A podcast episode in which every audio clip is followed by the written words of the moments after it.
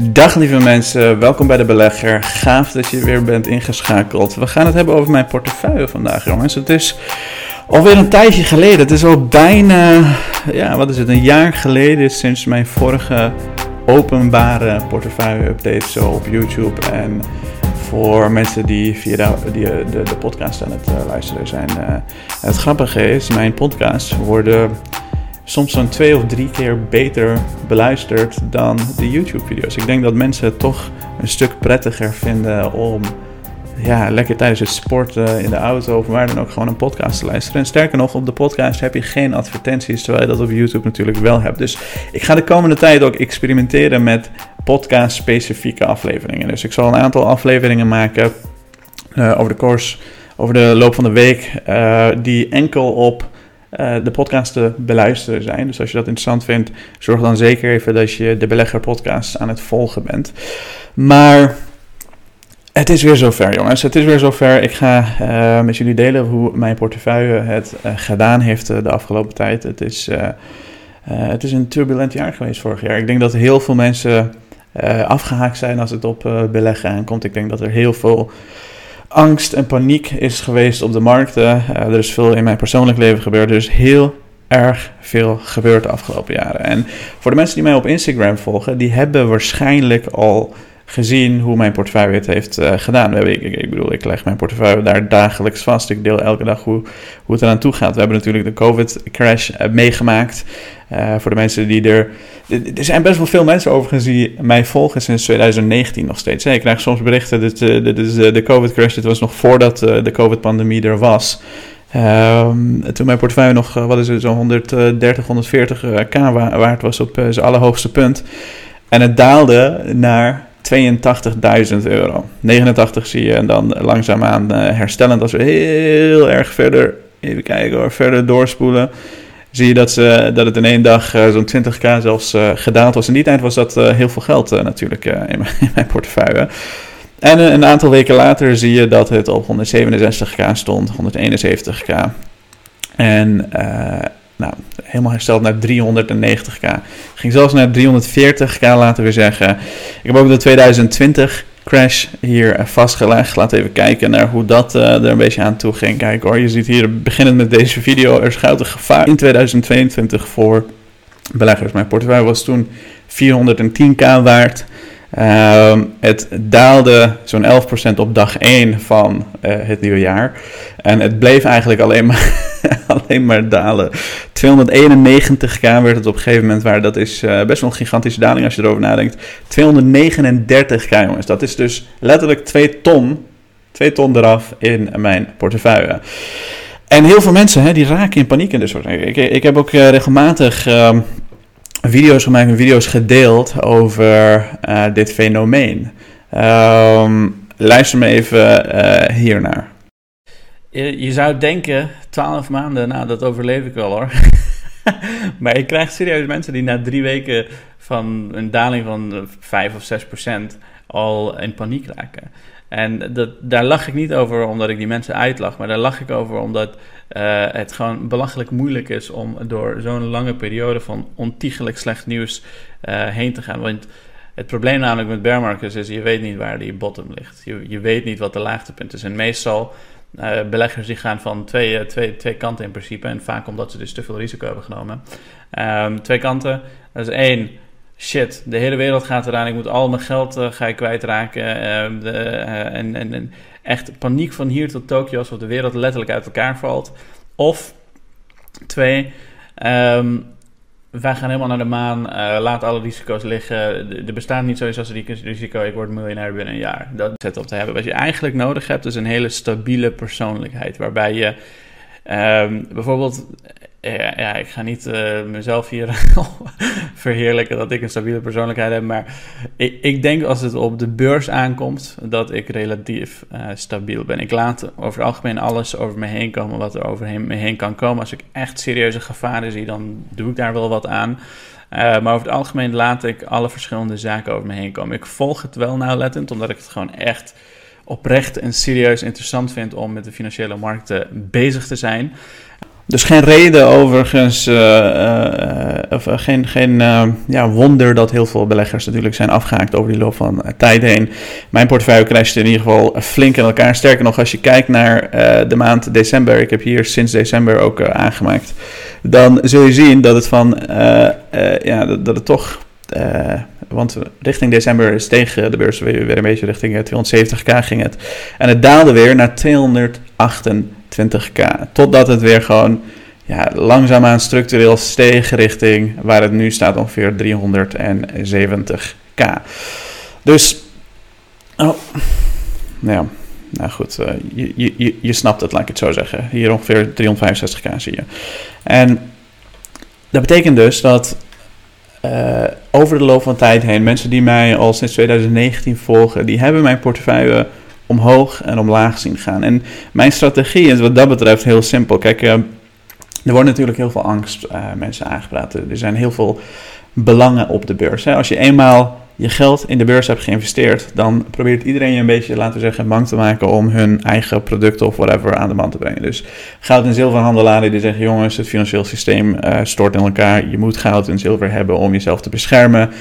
En het is op zich geen slecht idee. Hè? Je moet natuurlijk nooit naïef zijn. Er kan natuurlijk van alles nog wat uh, gebeuren. We leven nog steeds in een wereld waar we toch afhankelijk zijn van nou, een relatief fragiel financieel, financieel systeem waar onze politici verantwoord, uh, verantwoordelijk zijn om dat in goede banen te leiden. En dat betekent niet dat dat altijd gebeurt. Er zal altijd wat kunnen gebeuren dat, dat, uh, waardoor je natuurlijk je portefeuille zou kunnen zien dalen, waardoor het financieel systeem in gevaar komt en dergelijke. Maar over het algemeen zorgen we ervoor, en die belangen zijn groot genoeg om te zorgen dat dat allemaal goed en netjes en een goede banen wordt geleid. En je moet ook niet naïef zijn, het kan gebeuren. Het kan gebeuren dat er, dat er iets eh, heftigs gebeurt. En dan is het belangrijk dat je in ieder geval een stukje diversificatie in je portefeuille hebt. En dan zou ik zeggen, niet meer dan 5 of 10% van je vermogen in bijvoorbeeld wat goudstaven onder je bed, dat als de apocalyps aanbreekt, zodat al, zoals al die doemdenkers uh, dat uh, aankondigen, dat je uh, toch een beetje beschermd bent en laten we zeggen wat vis kan kopen van de plaatselijke visboer met een stukje goud. Want als het financieel systeem in elkaar klapt, dan zullen je euro's en dergelijke misschien wat, wat minder waard zijn, laat ik het zo zeggen. Maar dat soort doemscenario's, dat soort doom en gloom, dat gebeurt overigens niet al te vaak. Hè. Dat is, ik bedoel, het is, uh, laten we kijken naar de geschiedenis. Dat is natuurlijk geen garantie voor de toekomst, maar het is niet zo vaak voorgekomen dat we een volledige apocalypse hebben gehad, zoals de meeste mensen je toch willen doen laten geloven. En als je eenmaal je geld op de beurs hebt en je ziet de beurskoersen dalen, denk je, oh ja, wacht eens even, ik moet toch uh, wat meer goud en dergelijke in mijn portefeuille hebben. En vaker zeggen die mensen dan, ja, je moet 25% goud in je portefeuille hebben. Maar dat zeggen ze omdat ze goud verkopen. ik bedoel, je hebt in principe, je moet je voor, ik, kijk er heel simpelweg naar. Kijk, als iedereen in de wereld, laten we zeggen, zou investeren in goud, zilver en laten we zeggen bitcoin. Uh, iedereen heeft goudstaven onder hun bed, iedereen heeft goud en zilver enzovoorts enzovoorts dan is dat niet een wereld waarin ik zou zeggen dat is een, dat is een positieve wereld of iets dergelijks. Als iedereen gewoon goud aan zijn bed uh, heeft en ja, niemand investeert bijvoorbeeld in innovatieve bedrijven die iets fantastisch doen, die bijvoorbeeld zoiets als kunstmatige intelligentie kunnen vormen, zoiets als Google Maps kunnen uh, uh, bieden aan iedereen die vroeger gewoon kaarten gebruikte en dergelijke, zoiets als treinen kunnen bouwen, zoiets als vliegtuigen enzovoort enzovoort. Als niemand in bedrijven investeerde, in bedrijvigheid, innovatieve bedrijven die serieuze waarde creëren, banen creëren, econom de economie stimuleren, innovatie creëren, de wereld verbeteren, heel veel mensen uit armoede halen.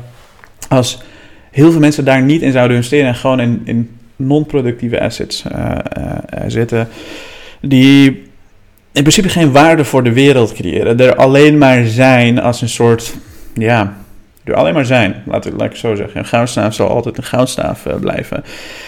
Ja, dat, dat zie ik niet per se als een positieve wereld, jongens. Dus um, um, ik zou zelf voor diversificatie, zou ik zeggen, misschien is ongeveer 5, maximaal 10% van je vermogen in non-productieve assets of iets dergelijks uh, stoppen. Um, ik zelf zit natuurlijk voornamelijk in uh, bedrijven. Hè? Mensen die in de community zitten. Dit is mijn openbare portefeuille met uh, wat snelgroeiende, innovatieve aandelen waarvan ik het gevoel heb die kunnen serieus de wereld veranderen en waarde toevoegen op allerlei verschillende vlakken. Ehm, en een stukje in ETF's. Ik heb drie Northern Trust ETF's die samen een wereld-ETF vormen. Mijn volledige portefeuille is natuurlijk altijd voor mijn leden beschikbaar. Mensen die lid zijn van de community, daar voel ik ook een verplichting toe om jullie continu up-to-date te houden. Ik maak niet altijd regelmatig portefeuillevideo's en dergelijke op, uh, op YouTube. Maar voor mijn leden, die zien natuurlijk alles wat er op mijn, in mijn portefeuille gebeurt. Al mijn transacties, alles uh, wat, wat daar gebeurt. En ik leg ook vaak uit waarom ik bepaalde beslissingen neem en dergelijke. Uh, er zijn verschillende trainingen, noem het maar op, voor, de, voor mensen die lid zijn van de community. Maar ik, ik beleg in verschillende innovatieve bedrijven die in mijn visie passen. Mijn visie is, uh, heb ik uitgebreid, uitgebreid over gedeeld. Ik zal hieronder een video plaatsen die mensen kunnen bekijken. Dan ben je een beetje bijgepraat over wat mijn visie specifiek is. Maar al deze bedrijven passen binnen mijn visie. Die helpen de wereld vooruit met de, op, ja, de, de, de uitdagingen die de wereld heeft. Bijvoorbeeld een Alphen, die ik al ontzettend lang bezit. En uh, waarvan ik denk dat het een van de grootste bedrijven in Nederland en Europa en misschien wel in de wereld zou kunnen worden in het gebied van groene energie. Dat betekent niet dat jij dat ook moet denken overigens, hè, want uh, er is heel veel met Alfa aan de hand. Ik heb er ook heel veel over geschreven trouwens. Als je benieuwd bent naar mijn analyse van waarderingen en dergelijke van, uh, van, aan, uh, van het aandeel Alfen, check dan zeker even de belegger.nl. Je kan daar zoeken op het woord Alfen en alles vinden wat ik er ooit over heb gemaakt. Ehm Alphen die helpt dus bedrijven in die groene energiesector. Het doet het op zich relatief goed in mijn portefeuille. Het heeft ooit hoger gestaan. Ik heb het aangekocht sinds de IPO. Sindsdien ook regelmatig blijven, blijven aankopen. Uh, Alphabet, een bedrijf die uh, ik recent nog heb verdubbeld, uh, bijna mijn, mijn positie, ongeveer 15k waard. Google, die helpt natuurlijk met allerlei verschillende dingen. En natuurlijk de zoekmachine, dat is het belangrijkste paradepaardje. Maar je hebt Google Maps, je hebt YouTube, je hebt heel veel verschillende manieren waarop Alphabet Google waarde toevoegt aan de wereld en daar ook natuurlijk ontzettend grote winsten mee behaalt.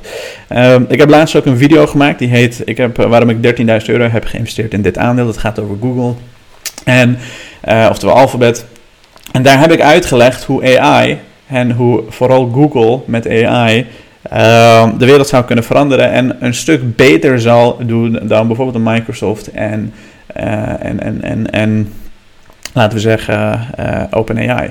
Want Google is in principe niks anders. Ja, je kent het natuurlijk voor de gebruikers, is het een zoekmachine. Hè? Je kan ermee zoeken. Maar op de achtergrond is Google natuurlijk gewoon het archief van het internet. Het archiveert letterlijk alles wat er op welke website dan ook gebeurt. Al het stukje beetje bij informatie, het archiveert het zodat het makkelijk zoekbaar is op basis van de zoekcriteria die jij, uh, die jij intikt. En Google is dus eigenlijk een archief van het internet. En dat geeft ze zo belachelijk veel data. Je zou kunnen zeggen een archief van de wereld. Hè? Want alles wat er natuurlijk in de wereld gebeurt, dat wordt gearchiveerd ergens online.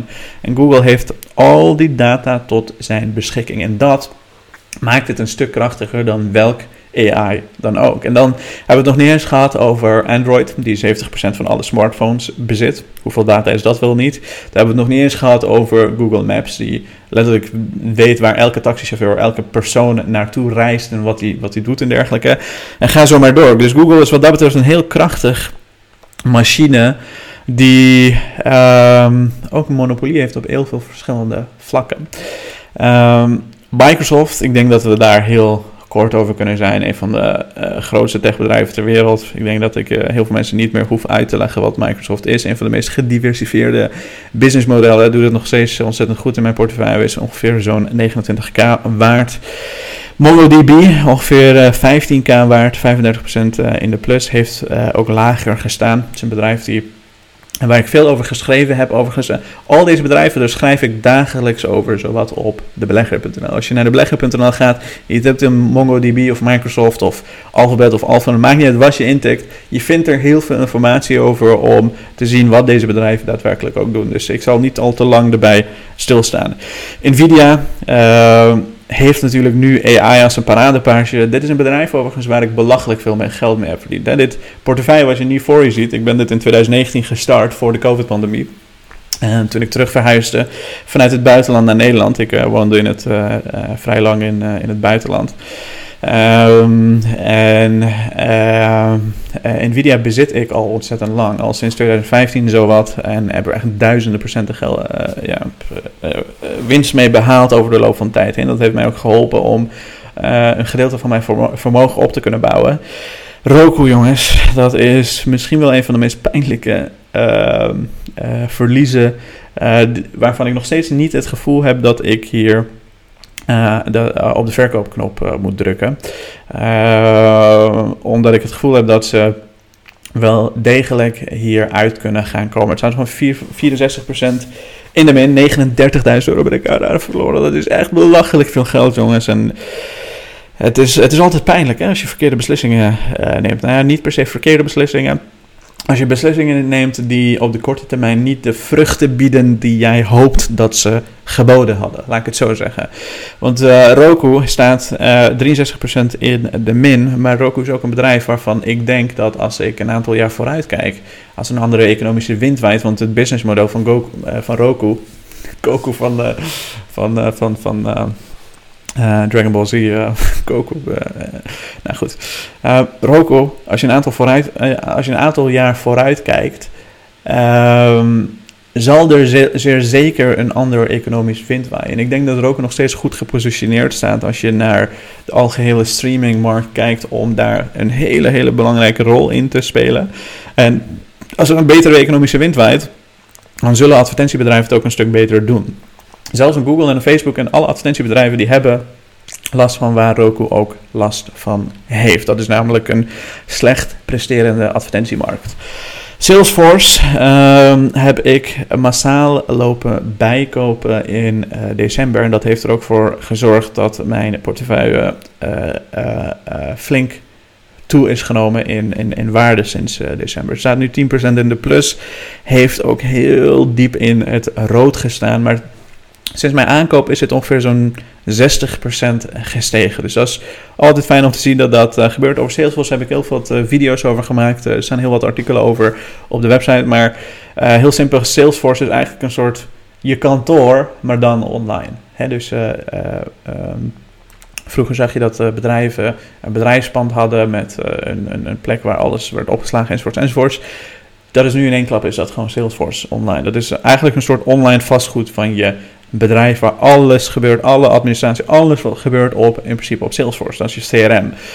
Shopify, een bedrijf die uh, nu ongeveer 10, 11% in uh, verlies staat, heeft natuurlijk veel dieper in de verliezen gestaan, is nu flink aan het herstellen, staat nu ongeveer 140% uh, eh, hoger dan waar het een tijd geleden stond. Is ongeveer zo'n 70.000 euro waard in mijn portefeuille. Uh, ik heb er heel veel video's over gemaakt. Ik denk dat Shopify uh, waarschijnlijk een van de grootste bedrijven ter wereld zou kunnen gaan worden als we een aantal jaar vooruit kijken. Shopify heeft natuurlijk in die tijd van hoge rentes en hoge inflatie een flinke klap gehad. Hè. Die hebben een hele dikke, vette, flinke klap gehad in, uh, in, hun omzetten, in hun winsten. Um, maar ze groeien nog steeds gestaag. Ze doen alle juiste dingen die je nodig hebt, vind ik, uh, om te doen als bedrijf, om te zorgen dat je competitief blijft, als je je um, bedrijfsmodel blijft verbeteren. Dus wat mij betreft, ik maak me geen zorgen over Shopify en ik uh, zal ze ook prima durven bij te kopen als er een zwakte is, als, er, als er verdere dalingen zijn en dergelijke. Tesla heb ik um, nog bijgekocht toen die hele dikke vette dip er was begin van dit jaar. Um, vandaar ook dat je nu ziet 300% stijging, omdat ik mijn gemiddelde aankoopkoers heb verhoogd. Uh, het stond op duizenden procenten in, in, in de plus.